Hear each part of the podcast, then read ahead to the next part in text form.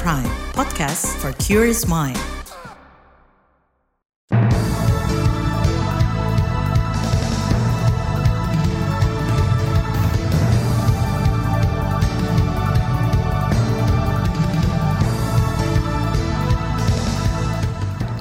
Selamat pagi saudara, berjumpa kembali dalam program Buletin Pagi edisi Selasa, 9 Januari 2024. Bersama saya, Naomi Liandra. Saudara, sejumlah informasi pilihan telah kami siapkan di antaranya. Fonis bebas Haris dan Fatia belum menjamin kebebasan berekspresi. Bawaslu ungkap sejumlah masalah pendistribusian logistik pemilu. Baru sepekan diresmikan Jokowi, talut penahan jalan di Banyumas, ambrol. Inilah Buletin Pagi selengkapnya. Terbaru di Buletin Pagi. Saudara Direktur Lokataru, Haris Asar dan aktivis HAM Fatia Maulidianti diputuskan tidak bersalah dalam kasus dugaan pencemaran nama Menko Kemaritiman dan Investasi, Luhut Binsar Panjaitan. Putusan itu diumumkan Majelis Hakim dalam sidang pembacaan amar putusan di Pengadilan Negeri Jakarta Timur kemarin. Ketua Majelis Hakim, Jokorda Gede Artana menyatakan, hakim tidak menemukan adanya unsur hukum. Menyatakan bahwa para terdakwa tidak terbukti secara sah dan meyakinkan bersalah melakukan tindak pidana sebagaimana didakwakan penuntut umum dalam dakwaan pertama, dakwaan kedua primer, dakwaan kedua subsidiar dan dakwaan ketiga. Menimbang bahwa oleh karena dakwaan penuntut umum tidak terbukti maka sesuai pasal 191 ayat 1 UHAP maka para terdakwa diputuskan bebas dari segala dakwaan. Sebelumnya, Haris dan Fatia didakwa mencemarkan nama Menko Marves Luhut Binsar Panjaitan. Haris dituntut pidana 4 tahun penjara dan denda 1 juta rupiah.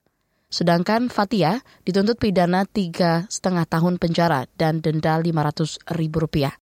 JPU beranggapan Haris dan Fatia melakukan pencemaran nama sebagaimana diatur Undang-Undang ITE dan KUHP. Kasus ini bermula dari acara dialog Haris dan Fatia. Dalam video berjudul ada Lord Luhut di balik relasi ekonomi Ops Militer Intan Jaya, Jenderal Bin juga ada. Ngehamtam. Video itu diunggah melalui kanal YouTube milik Haris. Usai difonis bebas, Direktur Lokataru, Haris Azhar, menyebut kemenangannya adalah kemenangan rakyat yang sekaligus menghancurkan oligarki. Haris juga menyampaikan terima kasih kepada semua pihak yang senantiasa mendukung dirinya bersama Fatia selama persidangan. Saya pikir doa dari keluarga Fatia, keluarga saya, gak henti-henti dan luar biasa. Support dari teman-teman gerakan sosial seperti yang teman-teman bisa lihat di luar dari Kasbi, Social Movement Institute, semua jaringan korban, aksi kamisan dari seluruh kota, teman-teman anti korupsi. Menurut saya ini adalah gerakan sosial yang paling termanifestasi dengan sangat baik di ruang pengadilan. Ini yang kita sebut sebagai aktivisme pengadilan yang berpihak pada hak asasi manusia, lingkungan hidup, dan juga masyarakat adat. Itu tadi Direktur Lokataru, Haris Azhar. Sementara itu aktivis HAM, Fatia Maulidianti, menyebut vonis bebas kepada dirinya menjadi bukti bahwa hukum masih berpihak kepada rakyat. Namun ia berharap masyarakat bisa menyampaikan kebebasan berpendapat tanpa rasa takut dikriminalisasi. Kami diputus bebas ini bukanlah sebuah akhir dari perjalanan panjang demokrasi di Indonesia yang saya rasa ini harus tetap membutuhkan konsistensi. Dengan ini sebenarnya juga menunjukkan bahwa memang semestinya hukum itu setara dan juga kita semua sebagai masyarakat itu juga bisa membuktikan dan kita bisa mengkritik dan kita juga jangan menjadi seseorang yang tidak adil dengan tidak mengkritik. Itu tadi koordinator kontras Fatia Maulidianti. Di persidangan kemarin, Haris Fatia dan tim kuasa hukumnya menerima putusan vonis bebas hakim. Sebaliknya, jaksa akan mempelajari putusan hakim dan pikir-pikir guna menentukan langkah hukum selanjutnya. Izin yang mulia, kami berterima kasih atas putusan dan pertimbangan hukumnya, dan kami akan mempelajari putusan ini dengan seksama. Untuk itu kami nyatakan pikir-pikir. Oh ya pikir, ya baik. Namun tak lama kemudian, Jaksa Penuntut Umum JPU mengajukan kasasi. Pengajuan kasasi ini dikonfirmasi pelaksana harian juru bicara Kejaksaan Tinggi DKI Jakarta, Herlangga Wisnu Murdianto. Kemarin tim jaksa langsung menyusun memori kasasi untuk segera dikirimkan ke Mahkamah Agung. Lantas bagaimana tanggapan Menko Marves Luhut Binsar Panjaitan mengetahui Haris dan Fatia difonis bebas?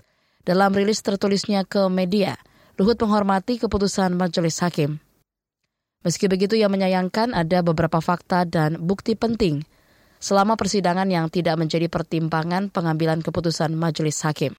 Luhut menyerahkan sepenuhnya langkah hukum kepada penuntut umum. Lembaga Kajian Reformasi Sistem Peradilan Pidana dan Hukum ICJR menilai vonis bebas untuk Haris dan Fatia patut diapresiasi. Tapi menurut peneliti ICJR, Nur Ansar tetap harus ada evaluasi kebijakan terkait kebebasan berekspresi dan sistem peradilan pidana. Apalagi persidangan Haris dan Fatia berlangsung hingga 32 kali. Persidangan ini terlalu lama dan jelas menguras energi. Proses yang panjang otomatis membutuhkan sebuah modal gitu, baik uh, tenaga, pikiran dan lain sebagainya yang harus kita curahkan hanya untuk sidang hmm. setiap minggu gitu. Artinya kan sebagian besar sumber daya yang ada akhirnya harus teralihkan ke pengadilan sehingga banyak hal yang lain akhirnya tidak terjadi. Padahal ketika kita ingin membicarakan soal kebebasan berekspresi, seharusnya salah satu poin yang harus dilihat adalah kalaupun memang diduga ini sebagai penghinaan, harusnya dilakukan lebih cepat. Itu tadi peneliti ICJR Nur Ansar. Di lain pihak, Komisi Nasional Hak Asasi Manusia Komnas HAM menyatakan kritik terhadap negara adalah bagian dari hak kebebasan berekspresi dan berpendapat. Oleh karena itu, putusan vonis bebas untuk Haris dan Fatia bisa menjadi presiden baik di kemudian hari. Komisioner Komnas HAM Anis Hidayah berharap para pembela HAM lain tidak akan takut lagi dijerat kriminalisasi atas kerja-kerjanya. Badan Pengawas Pemilu mengungkapkan sejumlah masalah terkait pendistribusian logistik pemilu. Apa saja masalah itu? Tetaplah di Buletin Pagi KBR. You're listening to KBR Pride, podcast for curious mind. Enjoy!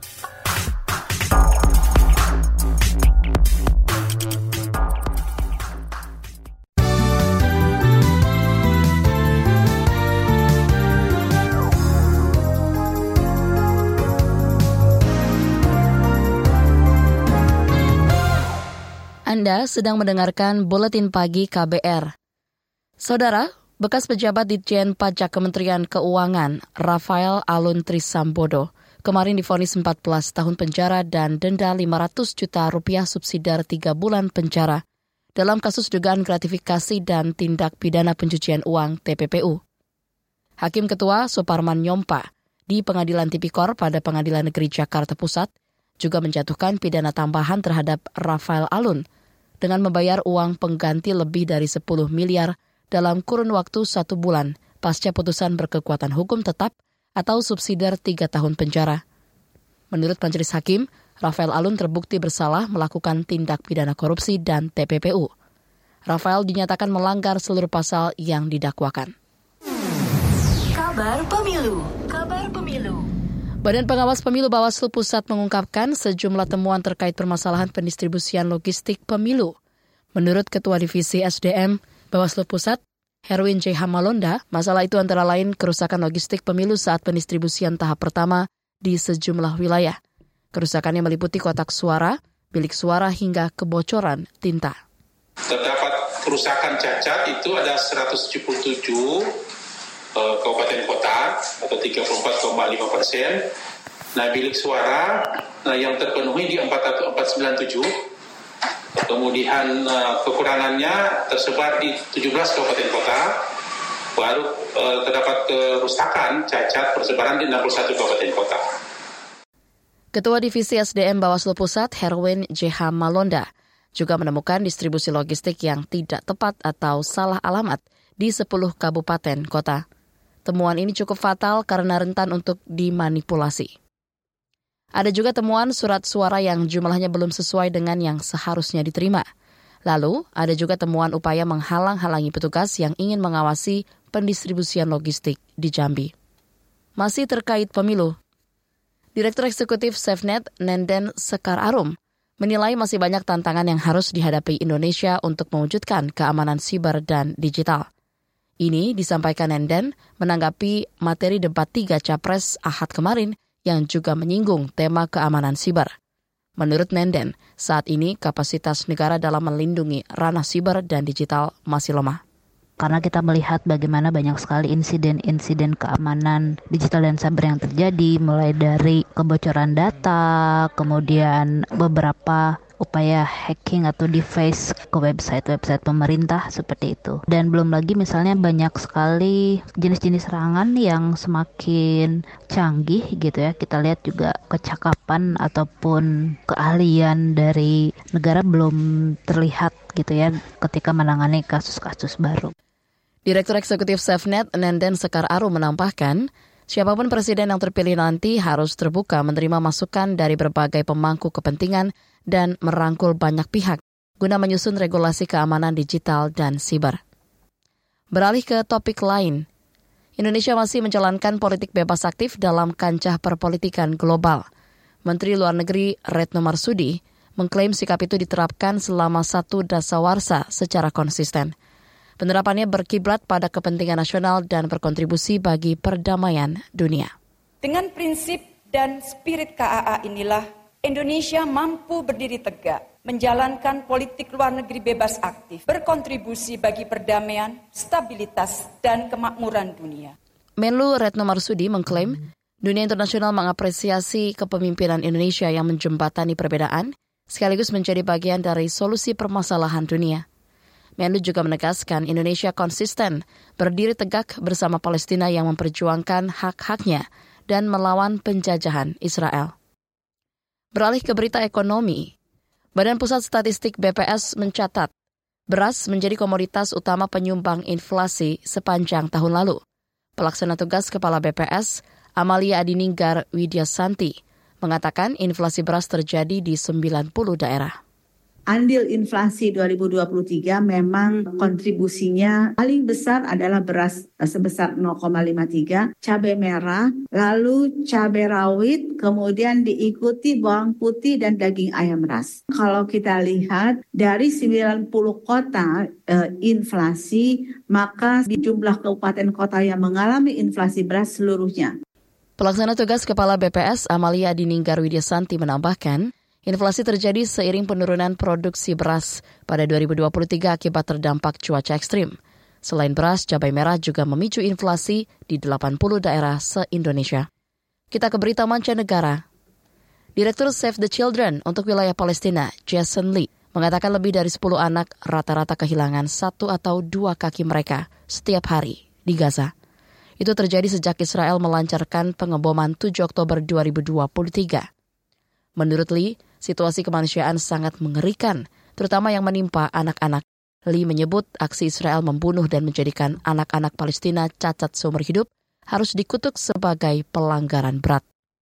Badan Amal Save the Children menyebut hingga pertengahan Desember ada sekitar seribu anak kehilangan satu atau kedua kaki mereka.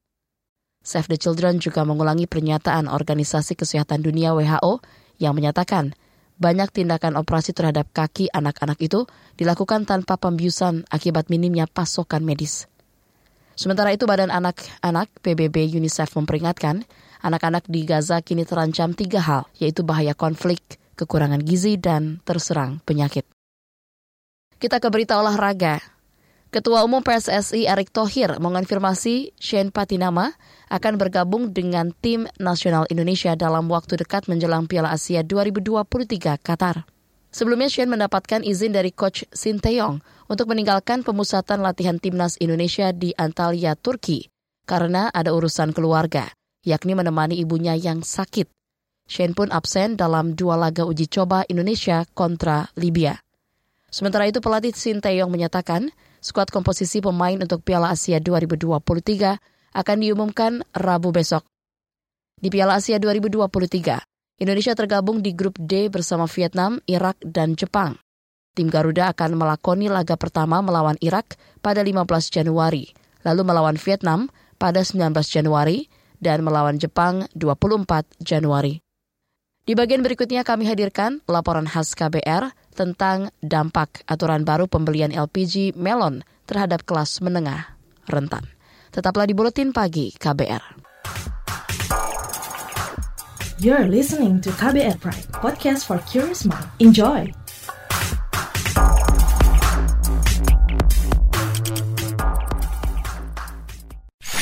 Commercial break. Commercial break. Bagaimana kamu melihat cinta? Seberapa jauh eksplorasimu soal cinta? Nikah, pacaran, cinta aja nggak cukup gitu. Tapi kalau saya bilang, cinta aja tuh cukup. Makna cinta, Cile, aduh. Pokoknya ketika bilang cinta itu gue cuma tahu kalau you fall in love with the person and the complete package of a person ya. Cinta itu bisa menyenangkan, tapi cinta itu kadang rumit. Tiap orang punya ragam cerita cintanya. Love Bus membebaskan kamu mendefinisikan dan mengalaminya. Tak ekspektasi itu ada kayak banting-banting meja, banting-banting piring gitu. Tapi gue ngerasa if I feel it, I need to say it. Dengarkan Love Bus di kbrprime.id Tersedia juga di platform mendengarkan podcast lainnya. Love Buzz membicarakan perkara yang tidak dibicarakan ketika berbicara perkara cinta.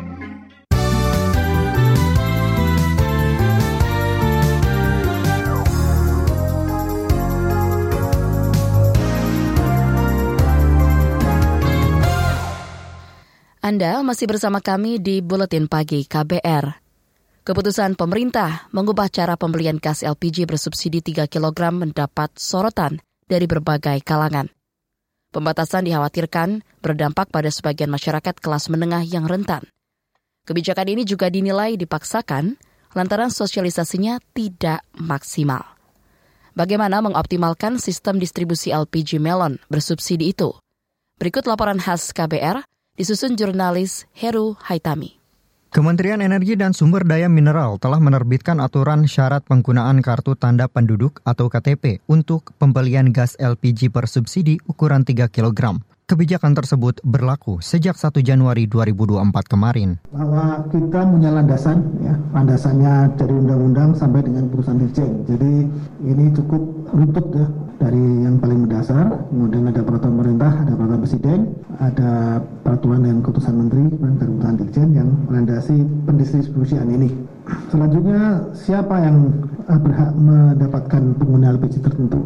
Pertama rumah tangga, kemudian kedua usaha mikro, kemudian dan lain sasaran, kemudian ada petani sasaran. Direktur Jenderal Minyak dan Gas Bumi Kementerian SDM, Tutuka Aryaji mengatakan, kebijakan itu menyasar rumah tangga, usaha kecil menengah hingga petani dan nelayan. Tutuka Aryadi mengimbau masyarakat yang belum terdata segera mendaftar sebelum pembelian LPG bersubsidi. Untuk mendaftar, masyarakat hanya perlu menunjukkan KTP dan kartu keluarga, KK di sub penyalur atau pangkalan resmi. Tapi kebijakan itu mendapat kritik dari pelaku usaha kecil. Ketua Umum Asosiasi Industri UMKM Indonesia Aku Mandiri, Hermawati Setiorini mengatakan sosialisasi aturan itu belum maksimal.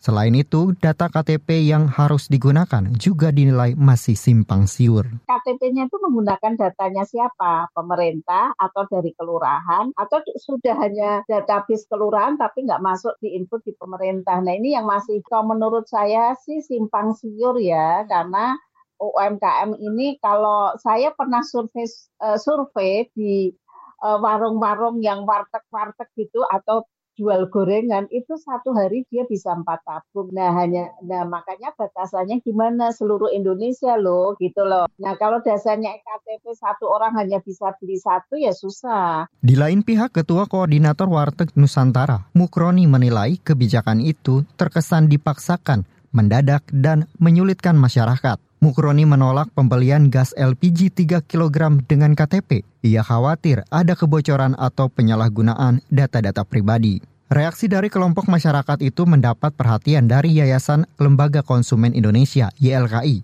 Pengurus harian YLKI Agus Yatmo menilai kondisi tersebut bisa mengurangi minat masyarakat untuk mendaftar.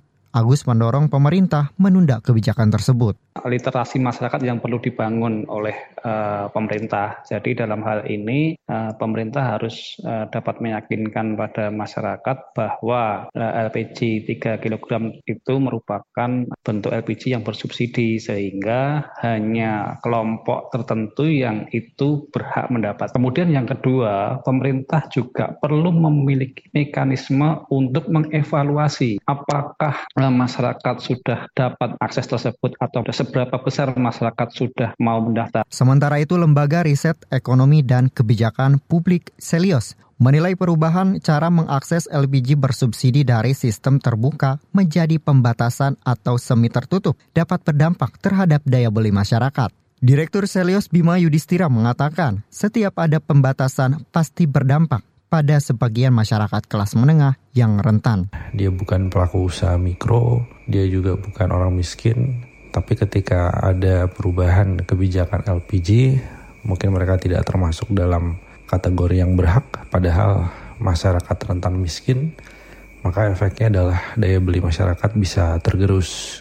Dan ini akan bisa menyumbang tingkat inflasi karena harus bergeser ke LPG non subsidi yang harganya jauh lebih mahal. Bima Yudhistira juga mendorong pemerintah memerhatikan soal kemudahan mendaftar bagi masyarakat kelompok rentan Apalagi sejauh ini hanya satu persen orang miskin yang memanfaatkan internet. Hal itu menurut Bima menunjukkan masih banyak masyarakat miskin terutama di pedesaan, daerah terluar juga di daerah-daerah pulau-pulau masih sulit mengakses internet untuk mendaftarkan diri di aplikasi yang dimiliki Pertamina. Dan ini tentu akan membatasi akses mereka juga sehingga mereka untuk mendaftar dulu baru bisa membeli LPG 3 kg dianggap cukup uh, merepotkan. Masalah lain yang disorot Bima Yudhistira adalah terkait pencocokan data. Menurutnya, sebagian bentuk subsidi yang efektif harus ada pencocokan antara data penerima subsidi LPG dengan data terpadu kesejahteraan sosial. Karena selain pencocokan, data juga sifatnya sangat dinamis. Demikian laporan khas KBR, saya Heru Hetami. Usai laporan khas KBR, informasi dari daerah akan hadir usai jeda. Tetaplah di Buletin Pagi KBR. You're listening to KBR Pride, podcast for curious mind. Enjoy!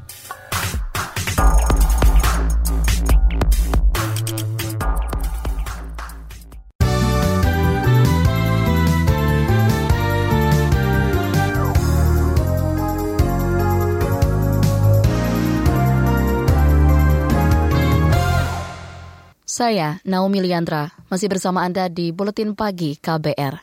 Kita ke Banten. Presiden Joko Widodo meresmikan Terminal Pakupatan di Serang, Banten kemarin. Jokowi berharap kehadiran Terminal Pakupatan bisa meningkatkan minat masyarakat menggunakan transportasi massal.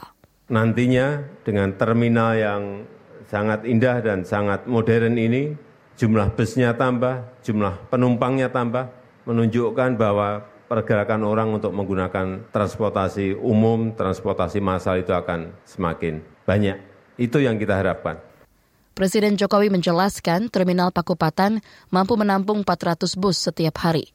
Bangunan terminalnya terinspirasi dari salah satu motif batik Banten, yaitu Pamaranggen.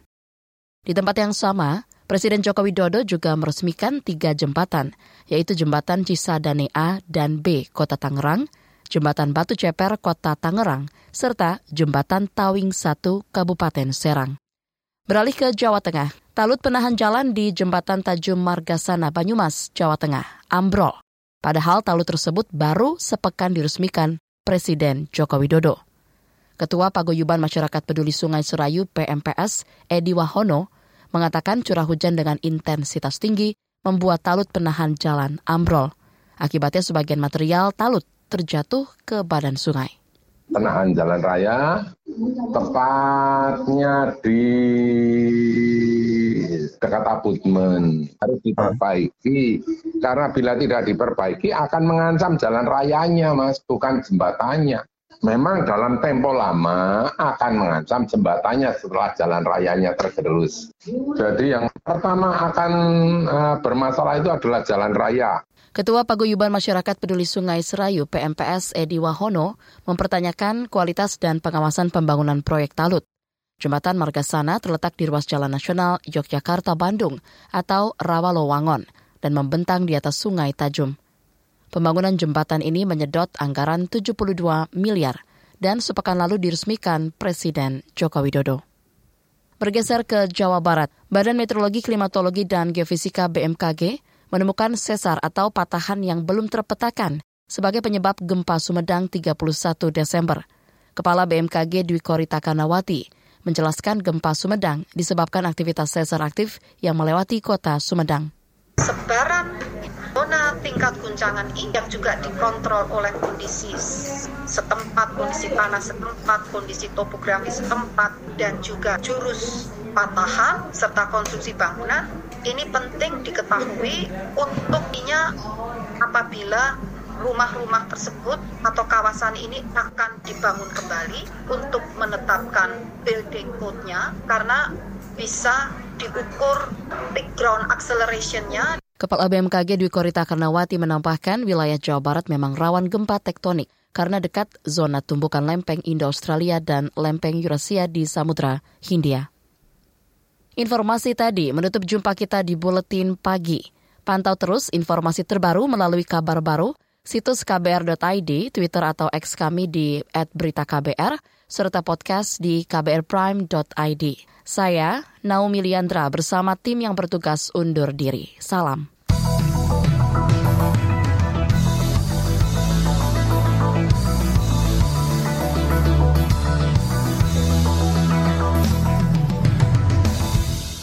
KBR Prime, cara asik mendengar berita. KBR Prime, podcast for curious mind.